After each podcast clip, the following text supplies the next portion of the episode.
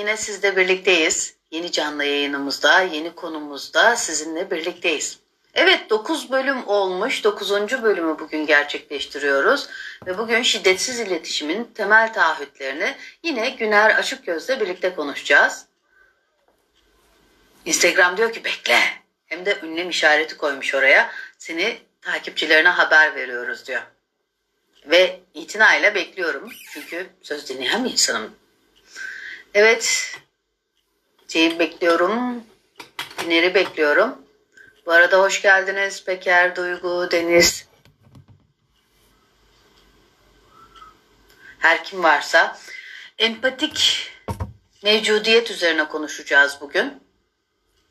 Ee, bununla ilgili sorularınız varsa empati nedir? Bununla başlarız diye düşünüyorum. Ondan sonrasında empatik dinleme, dinleme üzerinde daha çok konuşabiliriz. Çünkü dinlemek gerçekten çok önemli bir şey. Hani biraz basitleştiriyoruz bazı konularda ama bir insanı gerçekten orada mevcut olarak dinlemek, onun farkında olarak ona odaklanmak gerçekten çok kıymetli. Ve evet Güner geldi hemen ekliyorum kendisine. Tamam. Davet. Evet, davet gerçekleşti. Süper. Merhaba, hoş geldin. Günaydın. Merhaba Neslihan'cığım. Merhabalar, nasılsın? İyi misin? Nasıl geçti zamanın iki hafta içerisinde? Şiddetsiz iletişimin ilgili ne yaptın? Oradan başlayayım ben. dur dur dur dur dur. Dur nasılım önce onu söyleyeyim. Bir.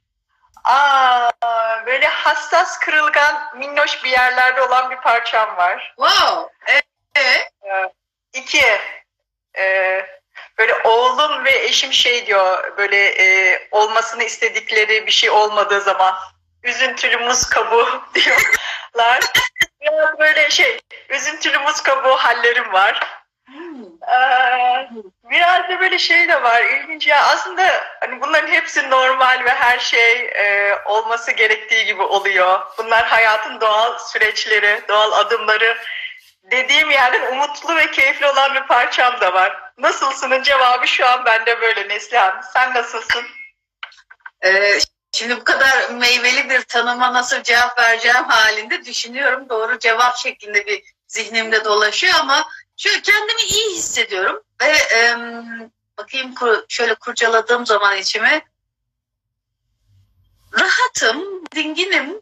Ee, bazı şeyler var telaşta uçuşuyorlar kelebek gibi ama şu an onların hepsini bir kenara atmış durumdayım. Kahvem, ben ve e, bilgisayarım, telefonum şu an hazır ve nazır bir vaziyette sohbete odaklı bir haldeyim.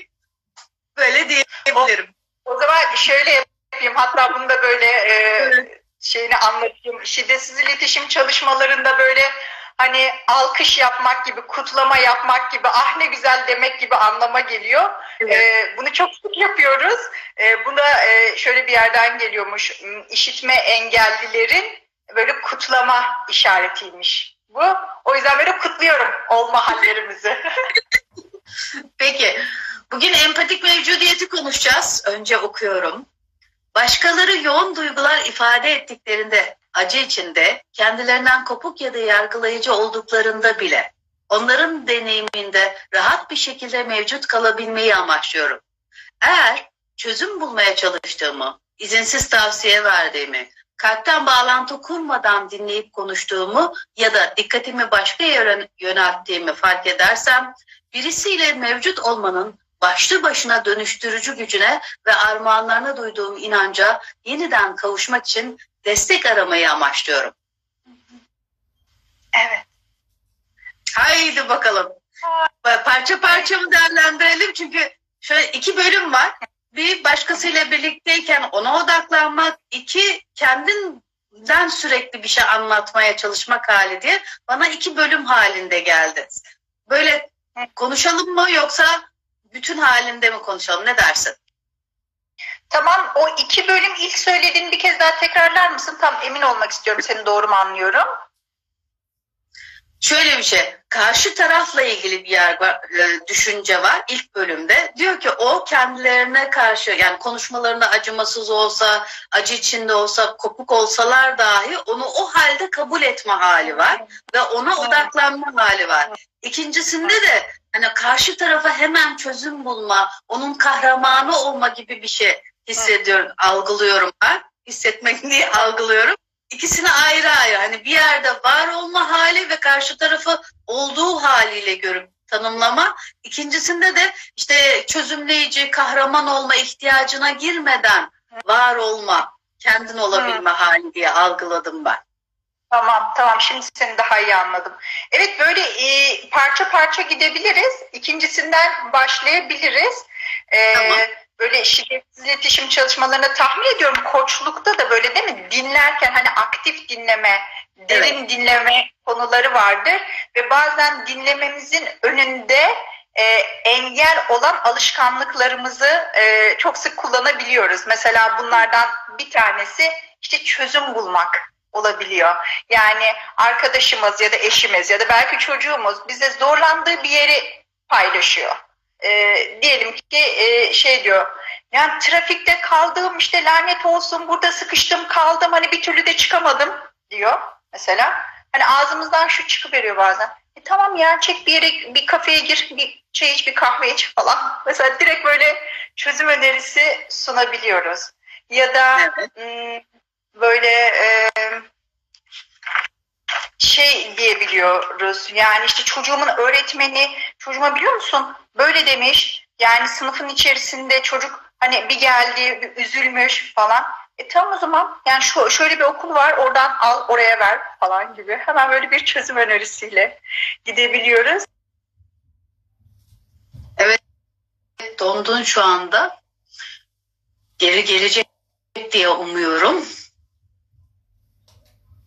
Çözüm önerisiyle gitmek bir alışkanlık halinde. Birazcık da e, bana şeyi hatırlatıyor. Kahraman olma ihtiyacını. Hemen karşı tarafın problemini çözdüğümüzde olayı rahatlattığımızı ve yol aldığımızı fark ettiğimiz yerler var. Ama bazen insanlar sadece o olayı dinlememize ihtiyaç duyar.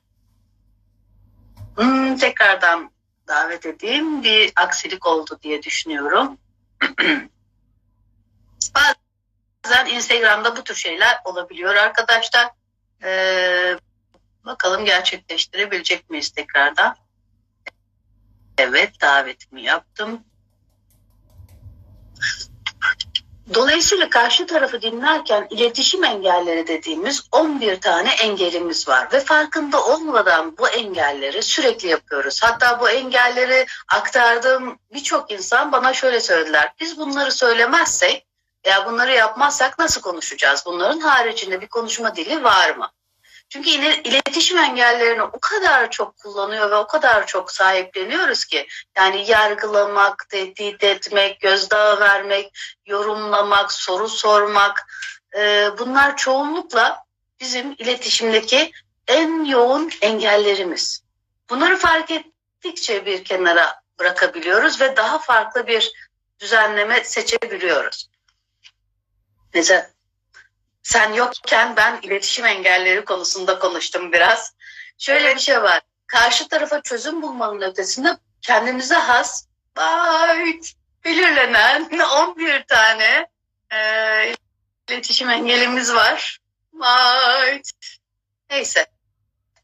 Sonuçta tekrardan deneyebiliriz. Vardır bir sebebi elbet diyelim bu tür şeylerin. Evet. Vardır elbet bir sebebi değil mi? İmdat. Yedi yedi yedi. Numarolojiye davet ediyorum. Uğurlu sayıları davet ediyorum. Yedi yedi diyorum ve ondan sonra her şey yolunda gidiyor. İletişim engellerinden bahsettim. Çünkü e, iletişimde gerçekten 11 tane bildiğim kadarıyla iletişim engeli var. Çok sağlam iletişim engelleri bunlar. Ve öyle bir şey ki biz bunları farkında olmadan yapıyoruz. Yani karşı tarafa çözüm bulmak. İşte hemen onunla ilgili işte ya bir paket sunmak, işte şu şöyle olmalı, bu böyle olmalı gibisinden yargılamak, bir şey e, tehdit etmek, gözdağı vermek. Bunlar bizim hemen pratikte yaptığımız iletişim engelleri. Evet. Şimdi sen bunları anlatırken işte çözüm bulmakla başlayan ve devam eden iletişim engellerimiz var. Bunlara daldığımız zaman karşı tarafı duymuyoruz. Evet.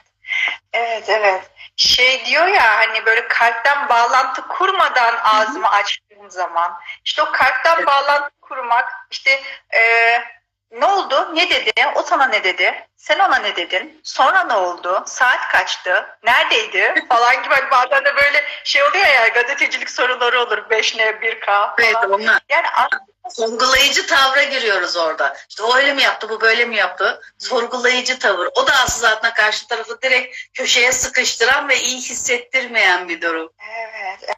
Evet. Yani ya da bazen şeye geçebiliriz. Direkt kendi duygumuza. Mesela işte çocuk anlat anlatıyordur bir şeyi. Yani şu an hep çocuk üzerinden örnekler aklıma geliyor ama tamam e, bak ben bunları duyunca şimdi çok üzüldüm. Benim de bir anım vardı. Hani Cem Yılmaz'ın da böyle şey yapar. işte kaynımda da vardı. Hemen kendi konumuza da çekebiliyoruz bazen. Yani onun anlattığı hikaye ya da onun yaşadığı bir şey bizi kendi hikayelerimize, kendi anılarımıza ya da acılarımıza götürebiliyor, coşkumuza götürebiliyor. Bunları da getirebiliyoruz. İşte bütün bunların dışında hani empatik mevcudiyetten benim anladığım ya gerçekten kalpten bağlantı kurabilmek. Yani bu insan bunu anlatırken aslında ne istiyor, neyi özlüyor. Ee, böyle e, mesela az önceki o trafik örneğinden e, paylaşayım.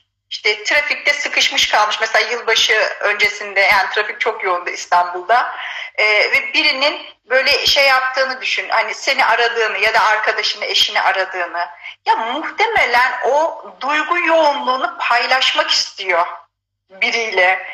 Yani trafikte işte evet. hani sağa çekip bir kafeye gitmek istemiyor ya da ya tatlım buna yapacak hiçbir şey yok.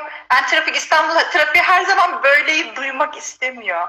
Yani o duygu yoğunluğunun karşılanmasını, ona eşlik edilmesini istiyor muhtemelen. istiyoruz. Ee, böyle bir söz var. Tahmin ediyorum Virginia Satir'indi bu. Şu, şunu söylüyor. Birine verebileceğim en büyük hediye onu duymaktır. Onu dinlemektir. Evet. Benim birinden alabileceğim en büyük hediye de benim duyulmamdır. Benim dinlenilmemdir. Ama işte çok kolay değil. Dediğin gibi alışkanlıklar, e, işte otomatik olarak gelen tepkiler. Bazen bunları ya ben çözüm bulmayacaksam, tavsiye vermeyeceksem, kendi konumu anlatmayacaksam hani aklıma bir şey gelmiyor. ne diyeceğimi bilemiyorum. Dilim tutuluyor diyenleri duydum mesela. Kendimde çok yaşadım açıkçası. İşte ben de bu 11 iletişim engellerini anlattığım zaman e, ben bunları yapmazsam nasıl konuşacağım ki ne anlatacağım? Bu noktada kalan var. Oysa dilimiz çok zengin ve bir insanla bir şeyleri paylaşmak için bazen çok fazla şey anlatmaya da gerek yok. Hani fil kulağıyla dinlemek. Hmm. Dediğimiz şeyde durmak. Yani o kadar hassas, o kadar nazinin ve o kadar var olarak orada bulunmak. Hmm. Bir fili görmeden duramazsın. O fil oradadır. Hmm. Ama bütün haliyle sadece senle birliktedir. Hmm. O hali yaşamak gerçekten çok keyifli. Mesela e, koçluk sürecinde de bazen sadece dinlenilmek bile o kişinin yol almasını, e, daha rahat hedefine gitmesine vesile olur. O yüzden koçlukta da çok kıymetlidir karşı tarafı dinlemek. Zaten her şekilde şu var hani bize ilkokulda da şey söylerler ya bir problemin çözmenin yarısı onu anlamaktır. E, anlamak için dinleyeceksin. Evet. Şey bir de mesela iletişim engellerinde senin o 11'li listende var mıdır bilmiyorum ama bazen şu da oluyor. Şayet böyle bir taraf olma halinde isek mesela böyle bir savunmaya geçme ya da var olan hani karşı tarafın söylediğini reddetme, bizi suçlama gibi algılama ya da gidebiliyoruz. Yargılayıcı kısım, yargılama. Hani eline tokmak alıp tım tım tım tım bu doğru mu yanlış. Evet.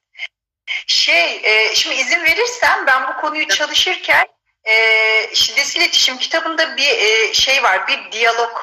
Tam böyle empatik mevcudiyetin nasıl olması gerektiğine dair. Böyle onu getirdim ama bunu okumak isterim. Uygun olur mu senin tamam, için? Tamam, tabii ki. Dinliyorum. Tamam.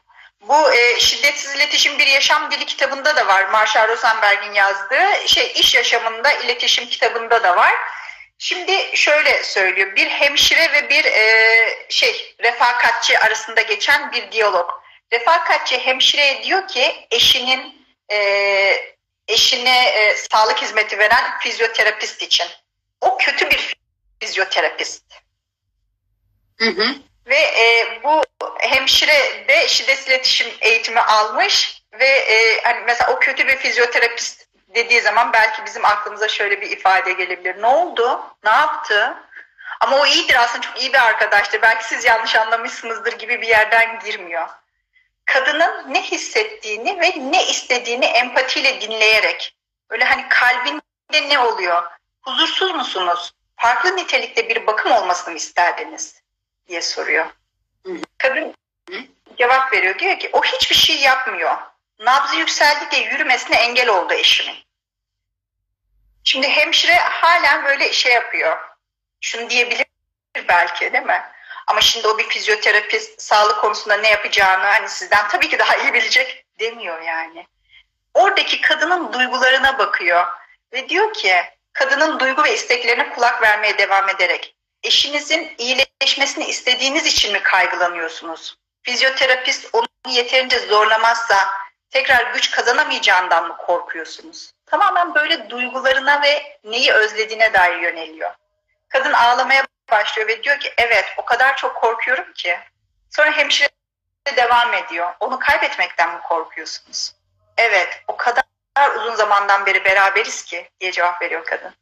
Ve hemşire onun korkusunun ardındaki diğer duygulara kulak vererek o öldüğünde kendinizi nasıl hissedeceğinizden mi endişeleniyorsunuz? diye hmm. soruyor. Ve kadın cevap veriyor. Onsuz nasıl yaşayacağımı bilemiyorum. O her zaman benim yanımda oldu. Her zaman.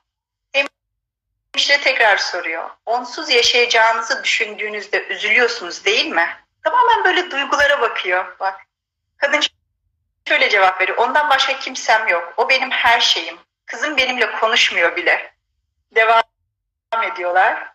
Hemşire bu sefer tekrarlıyor, aynalıyor onu. Anladığım kadarıyla kızınız e, anladığım kadarıyla kızınız aklınıza gelince canınız sıkılıyor. Onunla farklı bir ilişkiniz olsun isterdiniz. Kadın cevap veriyor. Keşke ama öyle bencil biri ki neden çocuk doğurma zahmetine katlandım bilmem. Sanki şimdi bana bir faydası mı var? Bak fizyoterapi çıktı bu sefer kızını suçlama haline geldi ama aslında içinde bir acı var yani hemşire onu yakalayabilmiş. Ve şimdi hala hemşire onun duygularına yoğunlaşıyor. Sanırım öfkelisiniz ve hayal kırıklığı yaşıyorsunuz. Eşinizin hastalığı sırasında ailenizden daha fazla destek görmek isterdiniz herhalde. Evet. O kadar hasta ki buna tek başıma nasıl dayanabileceğimi bilmiyorum. Hiç kimsem yok. Hiç kimsem yok. Konuşacak bile kimsem yok. Şimdi siz hariç. O bile konuşmak istemiyor. Haline bakın diye eşini gösteriyor.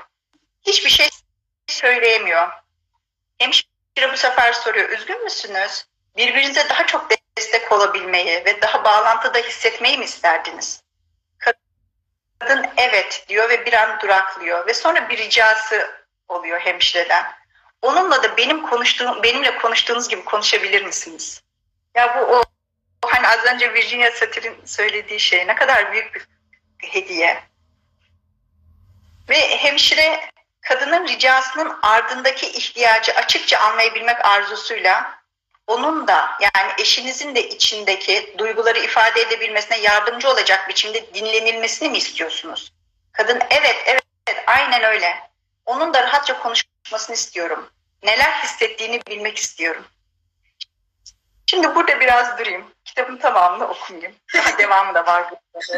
Ee, onu da okuyabilirsiniz ama hem böyle sana sormak istiyorum hem de dokuz arkadaş var tahmin ediyorum burada. Yani nasıl geldi? Nasıl oldu? Böyle merak ediyorum duymak, dinlemek.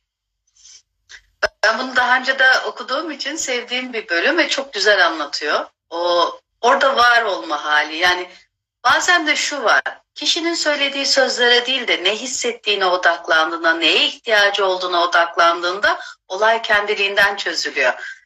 Mesela bazen koştukta şöyle yapılır. E, karşı taraf ne söylüyorsa onu tekrar edersin. E, etkili iletişimde de aynı şey vardır. Ben ilk duyduğumda şey demiştim. Nasıl yani papağan gibi söylediklerini de o tekrar etmedeki şu var. Kendi sözleriyle onun ne hissettiğini ortaya koymasına alan açıyorsun. Ee, evet. Burada da o var ve bu olduğunda kişi gerçekten çok rahatlıyor. Belki hiçbir şey değişmiyor ama o anlaşılma hali çok kıymetli. Şimdi ben e, bunu düşünürken hani hep bahsediyorum ya bir defterim var e, her çalışma öncesinde yazıyorum bunları uzun uzun diye. Şöyle bir şey aklıma geldi. Bak empatik mevcudiyette diyor ki bu metinde e, birisiyle mevcut olmanın başlı başına dönüştürücü gücüne ve armağanlarına duyduğum inanca yeniden kavuşmaktan bahsediyor. Yani birisiyle mevcut olmak başlı başına dönüştürücü bir şey. Yani senin sadece onu aynalaman, kelimelerini tekrarlaman ya da karşı tarafın ya bunu mu hissediyorsun? Yani çünkü buna mı ihtiyacın var? Yani korkuyor musun? Çünkü bağlantı mı istiyorsun? Yalnız kaldığını mı düşünüyorsun? Çünkü destek mi istiyorsun diye sadece ihtiyacına odaklanmak bile bak kimsem yok bir tek siz hariç diyor yani. Hiç tanımadığı bir insan. Ne kadar büyük bir hediye. Yani bu başlı başına dönüştürücü bir şey gerçekten. Ve bazen o alışkanlıklarımıza hani kapılabiliyoruz, yenik düşebiliyoruz. Evet. İşte bu şiddetsiz iletişimin temel taahhütleri hani hep böyle e, kendimizi merkezimize getirmeye davet ediyor ya bize. Şayet bunu unutursam, buradan uzaklaşırsam, işte çözüm bulmaya çalışırsam e, ya da onun o kopuk halinin içerisinde kaybolursam, yani o kötü bir fizyoterapist düşüncesine ben de hapsolursam ve şey dersem hayır yani o bir sağlıkçı sizden herhalde ki iyi bilecek gibi bir yere çekilirsem işte dinlemenin ne kadar dönüştürücü bir etkisi olur. Hayatı nasıl zenginleştirir burada kök salmak istiyorum diye böyle bir davet gibi algılıyorum bunu. Ben burada şu aklıma geldi, şunu eklemek istiyorum izninle.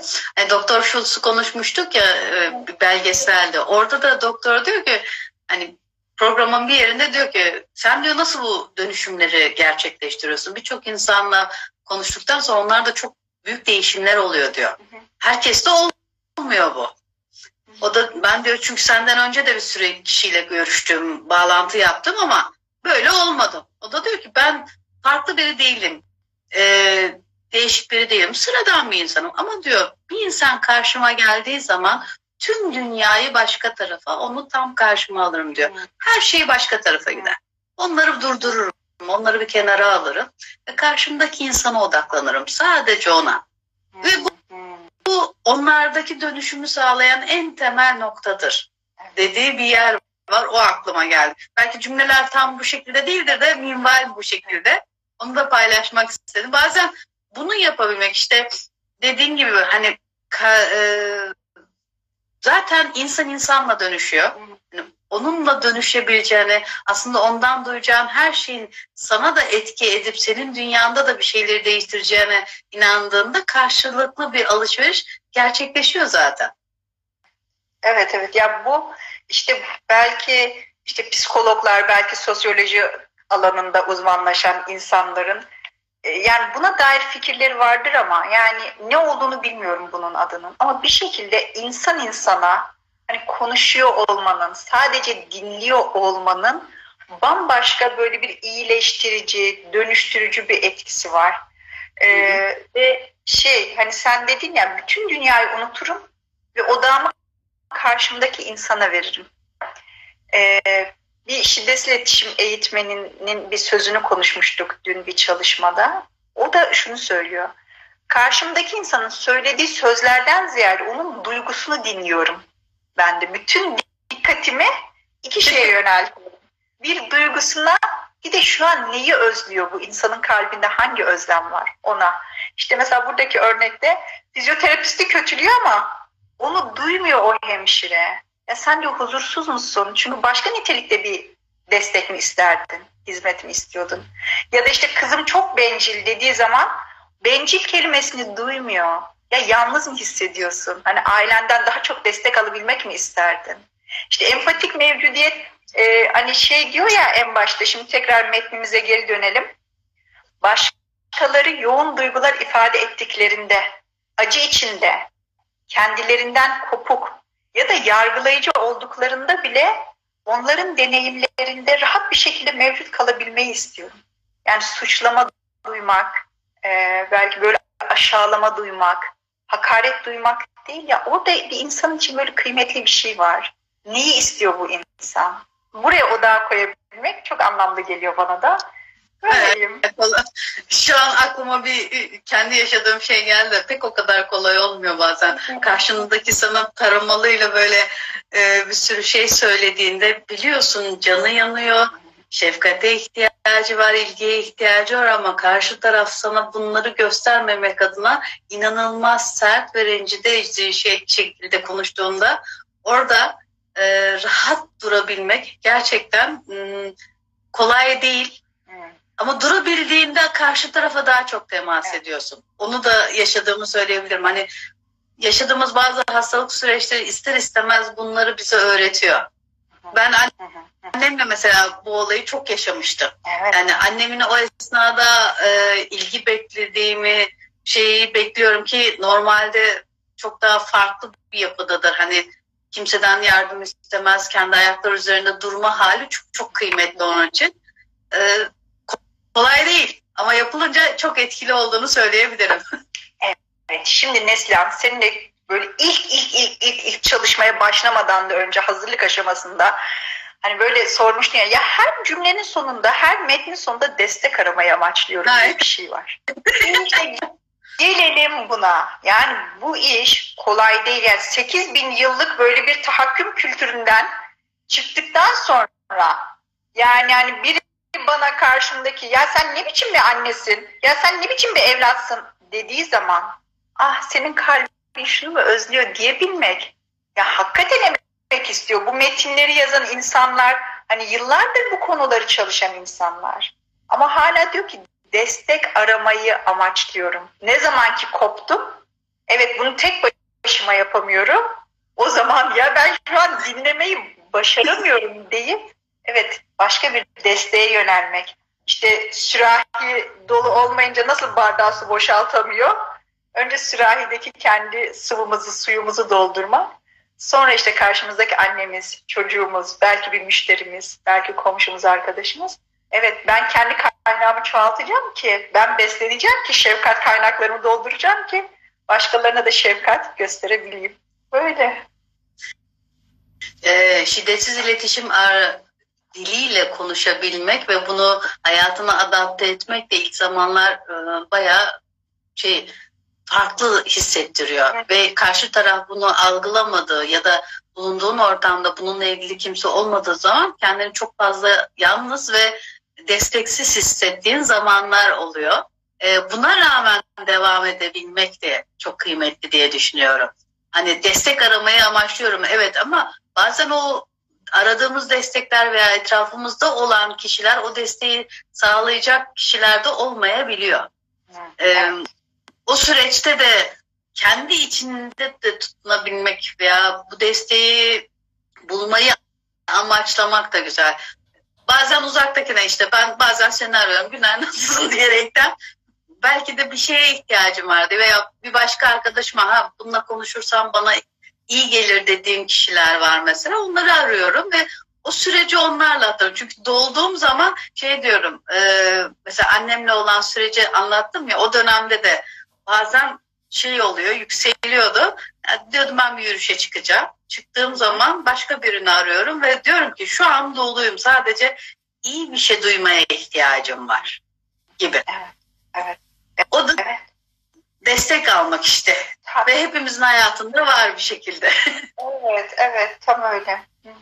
Şey, metnin devamını okuyayım mı? Merak eder misin? Olur. Devamında evet kocasıyla konuşmasını istemişti en son. Onunla öyle da böyle konuşur musun demişti hemşireye. Hemşire de onun da anlaşılmasını istediğini söylemişti. Evet. Buradan devam ediyoruz.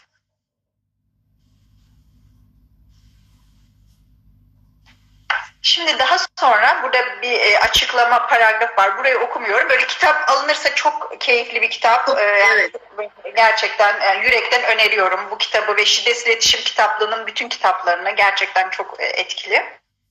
Sonra hemşire eşine dönüyor. Bir paragraf var böyle uzatmamak için orayı okumuyorum.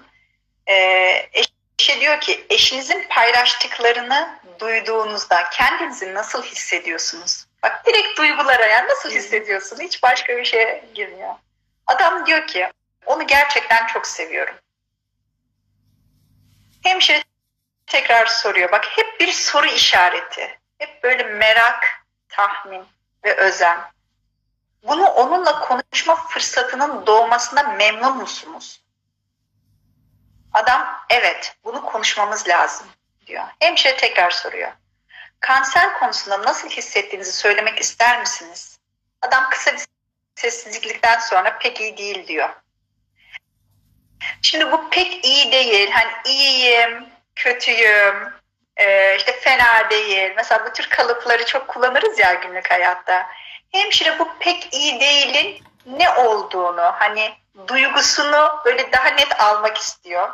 Ve şöyle soruyor, daha kesin konuşması için adam da bir yerden cesaretlendirerek diyor ki yine bir o pek iyi değilim duygusunu almak için ölmekten korkuyor musunuz diye soruyor.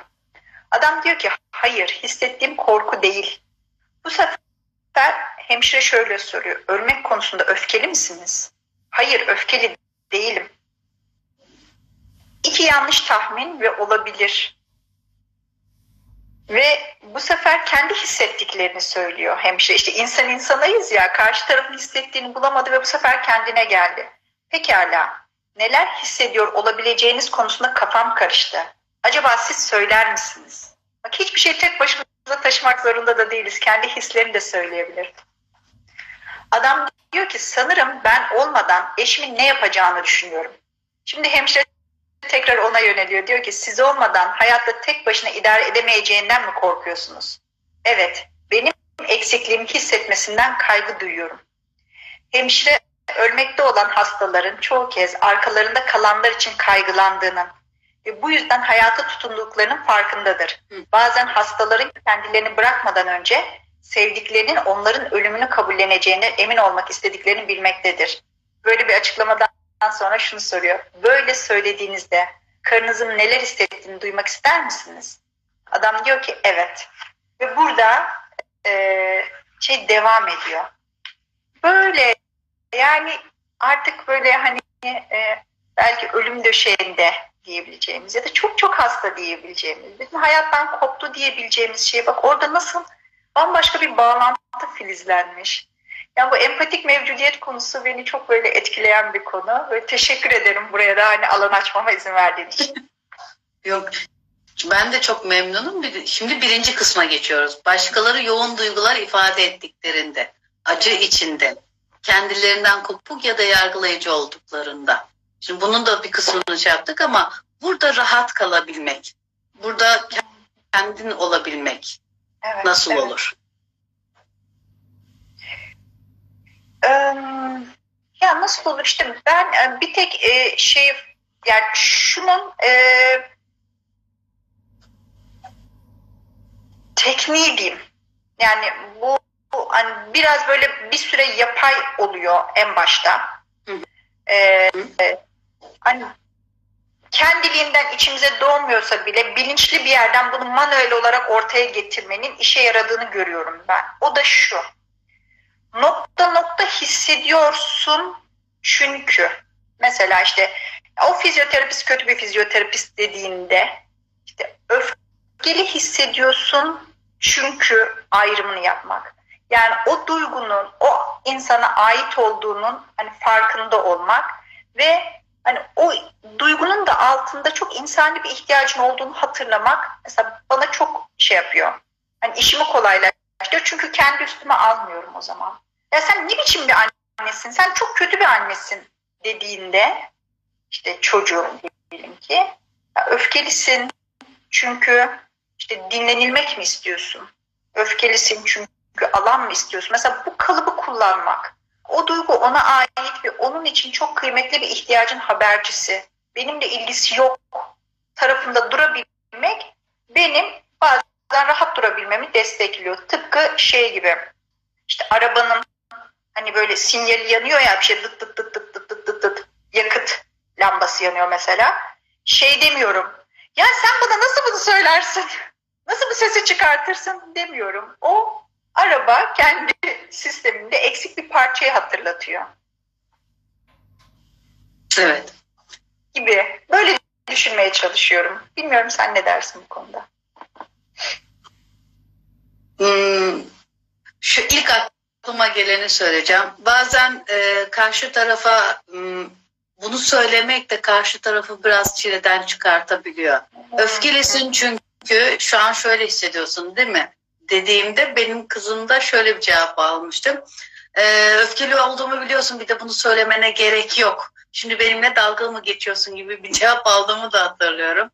Bazen e, sadece orada olmak da çok kıymetli. Hani bazı kalıpları da sürekli kullandığımız zaman hani ilk zaman kolay oluyor mesela ben de söyleyeyim bir şeyi öğreniyorum ha diyorum burada kolay bir şey var sürekli bunu kullanırsam karşı tarafa şöyle hissettirecek falan ama bazen farkında olmadan ona çok fazla tutunduğumu ve çok fazla tekrar ettiğimi ve çocuklarımın da bununla ilgili anne gene başladın oradan mı geleceksin hayır ben öyle konuşmayacağım dediğini de duyuyorum.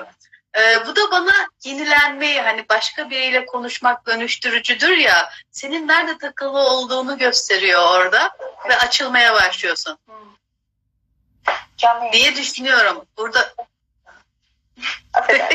rica ederim. Burada e, gerçekten var olabilmek yani o ilişkide tüm olarak var olabilmek de e, önemli.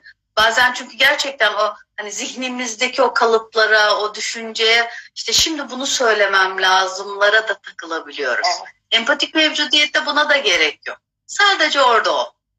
Gerçi şey demiş e, e, Ayşenur da ölme konusunda refakatçiye ve hastaya böylesine direkt soru sorabilmek epey zorlu diye bir soru sormuş ama söylemiş.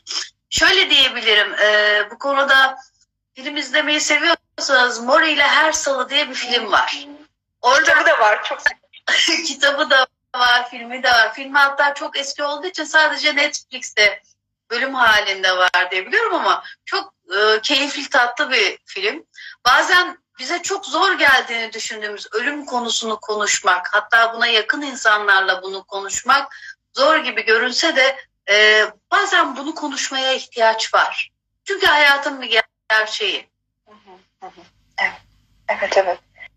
Ya şey, bir yani gerçekten hani hep şeye geliyorum. Bir şunu söyleyeyim. Hani senin söylediğinle ilgili işte çocuğunla yaşadığın diyalog.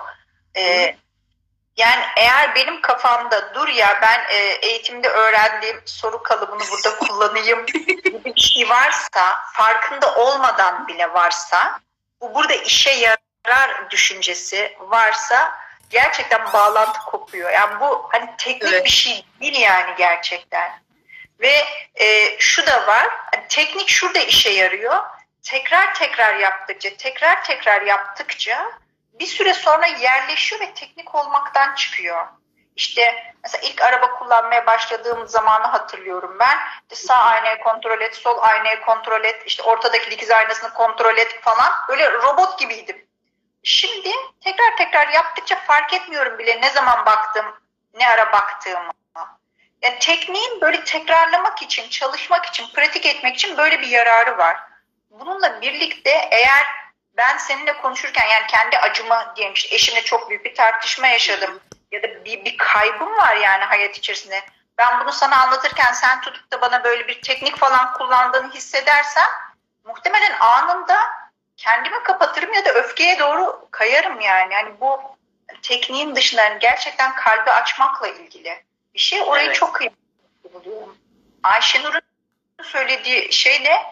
Yani buralar yani benim e, e, içimde iyileşmemiş yerler, çözülmemiş konular, e, hele bir de ölüm gibi, kayıp gibi hani böyle büyük konularda hani kalmak yani gerçekten e, basit bir şey değil. Burada hemşire örneğinde olduğu için o yıllardır bu tür hastalarla ve refakatçilerle muhtemelen temas ettiği için daha sakin bir yerde. Yoksa al beni koy oraya. E, yani hani muhtemelen hasta yakını bana şey yapar. Tamam canım sakin ol. Falan der yani. Hani bunlar gerçekten basit konular değil. Ve e, böyle konudan konuya uçuyoruz ama bu konuda çalışan insanlar da var. Mesela işte Bernard Koker var tanıyorsundur belki işte Şarmin var bildiğim. E, ölüm dulalığı konusunda yani çalışmalarını bu konuya e, adamış insanlar var yani. E, hakikaten kolay değil zor. Ayşe'nin o da ayrı bir şey. O doğulalık doğum doğulalığını çok duydum ben. Ölüm ve yaz doğulalığını da duyduğumda şuna çok şaşırdım.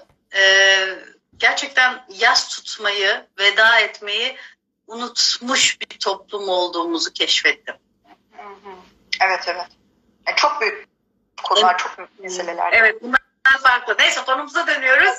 Empatik mevcudiyet. Gerçi şu var.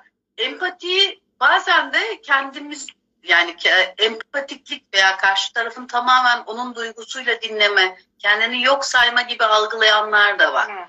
Ee, burada önemli dediğim nokta da şu hani fil kulağıyla dinlemek. Hani filin mevcudiyetini görmemen olanaksızdır.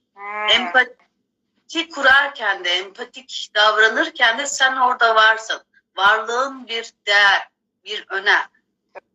Evet. Yani şu da olabilir mesela. E, şimdi mesela sen hani çocuk örneğinden verdiğinde bunu çok yaşıyorum. Kendim de yaşıyorum. Başka arkadaşlarımdan da pek çok kez duydum. Yani ben çocuğuma ya da eşime, arkadaşıma yani bütün kalbimi açmak niyetiyle giderken karşı taraf bana ya sen de gidiyorsun bu eğitimlere böyle abuk subuk konuşuyorsun, kendini psikolog zannediyorsun dediğinde bunu duyduğumda ya kalbim kırılabilir benim. Ben de geri çekilme gibi bir istek duyabilirim yani içimde. Evet. Ve o alanda da dile getirebilirim. Ya biliyor musun Neslihan? Ben seni gerçekten duyabilmek istiyorum. Ama hani sen de psikolog kesildin başımıza ifadesini duyduğum zaman ben de inciniyorum. Çünkü seni gerçekten duymak istiyorum. Diye orada kendimi getirebilirim. Kendi duygumu, incindiğimi ve ihtiyacımı gerçekten dinlemek istiyorum. Niyetimle görülmek istiyorumu getirebilirim. Bak bu dönüştürebilir ve şunu da ifade edebilirim. Ya ben, e, ben bu konuları çok yeni yeni konuşuyorum ve bu dil biraz böyle Çince gibi, biraz garip. Şu an elimden gelen bu, bunu başarabiliyorum. Böyle bir yerden hala seni dinlememi ister misin? diye girebilirim yani. Evet. Şeyden bahsetmiyorum. Bütün hepsini ben kaset gibi dinleyeceğim. Sen hepsini gönder. Değil yani. Bilmiyorum bir terapist bile bunu dinler mi? Dinleyebilir mi? Yani insanız. Bilemez. Biliyoruz yani. Ee, şimdi terapistler konusunda onların görevi bu deniliyor ama baktığımız zaman sonuçta onlar da insan ve çok farklı. Yani karşılaştığım insanlar, e, bunu meslek olarak yapanlar hepsinde farklı özellikler, farklı yollar izlediğini görüyorum. Bir kere psikoterapide bile 400 tane benim bildiğim şu an aşmış da olabilir. Yöntem var. Her yöntemde farklı bir süreç, farklı bir diyalog, farklı bir ba- bağlantı gerektiriyor. Her şey olabilir. Orada kişinin ihtiyacına odaklan. Biz de mesela şiddetsiz iletişimi konuşuyoruz. İhtiyacı olan veya bu konuda arayışı olanlar denk geliyor zaten. Çünkü şiddetsiz iletişim diline e, yakın hissettiğinde bunu da kullanmaya başlıyorsun. Bazısı içerisinde çok farklı olabilir. O da evet. onun yolu. Hani burada da şey yok, ayrım vesaire yok. Herkes kendine uygun olan yolda ilerleyecek. Bu da doğal olan. Evet. Bak burada aklıma şu da geldi. Bir iletişim engeli daha bence. Etiketler de dinlememize, kendimizi ya da karşımızdaki dinlememize engel olabiliyor. Örneğin Doğru. o bir terapist. Bak onun insanlığını görmüyorum ben. O terapist. Dinlemek zorunda ya. Ya ya öyle baktığımda olaya karşı tarafın insanlığını görmüyorum. O da hata yapabilir, o da yorulabilir, o da üzgün olabilir. Onun da ailesiyle ilgili zorlanmaları olabilir. Ya da o bir öğretmen ya da o bir şiddet iletişim eğitmeni falan dediğimde. Yani o insanlığı görmek gerçekten etiketlerden uzak bir yerden. Bazen mesela şu da bir etiket ya da tanımlama. O çocuk ben anneyim, o küçük ben yetişkinim dediğim yerde sanki hep ben alttan almak zorundaymışım gibi, ben hiç kırılmayacakmışım gibi bir yere gidebilirim farkında olmadan. Ama hani benim yapabilmeye çalıştığım şey aslında şey, iki tane insan var, iki insan böyle.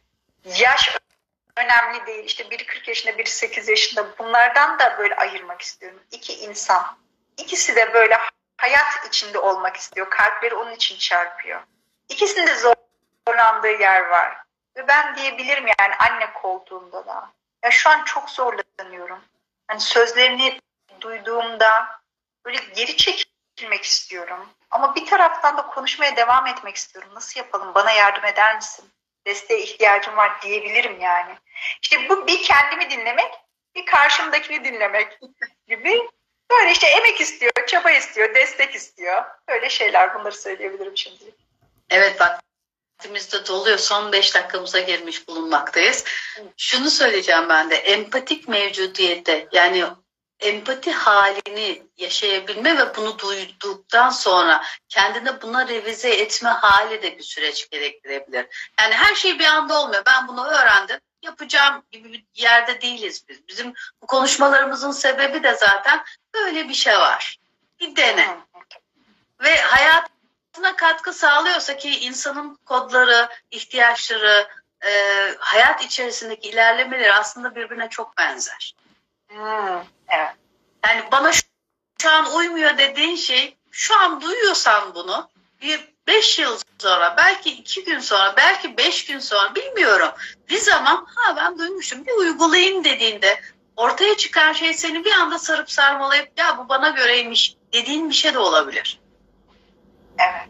O yüzden hoşuma gidiyor yani seninle bunları konuşurken buradan buradan biraz dağılıyoruz bazen sonra gene toplanıyoruz ama Güzel bir sohbet. Teşekkür ediyorum. Son olarak sen ne söylemek istersin? Empatik mevcudiyetle ilgili ya da sohbetimizle ilgili. Tamam. Çok teşekkür ederim. Yani açtığın alan, sorduğun sorular, e, yani birlikte çalışma halimizden çok memnunum. Yani benim davetim şu olabilir. Bu metinler yani tamamen benim algıladığım yerden, bizim algıladığımız evet. yerden hani verilen örnekler. Ben çok isterim ki yani burada e, katılan arkadaşlar bu metinlere ulaşabilirler ve kendi gerçeklerini bulabilirler, kendi örneklerini. Bunun için de şiddetsiz iletişim e, Türkiye sayfasına hani girebilip bu metinler rahatlıkla indirilebiliyor. Oraya bakabilirler ve gerçekten belki hizmet eder. Benim için çok anlamlı, e, bana katkı sağlayan e, kaynaklar. Böyle kaynakların bolluğunu hatırlatmak istedim. Umuyorum herkese katkısı olur.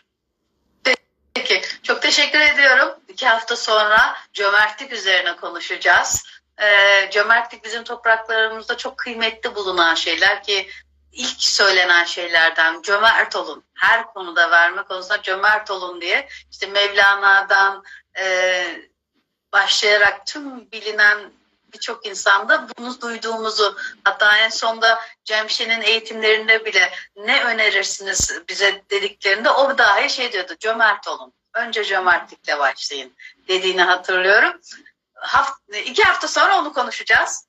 Çok teşekkür ediyorum. Kendine iyi bak. Görüşmek üzere. Hoşçakalın.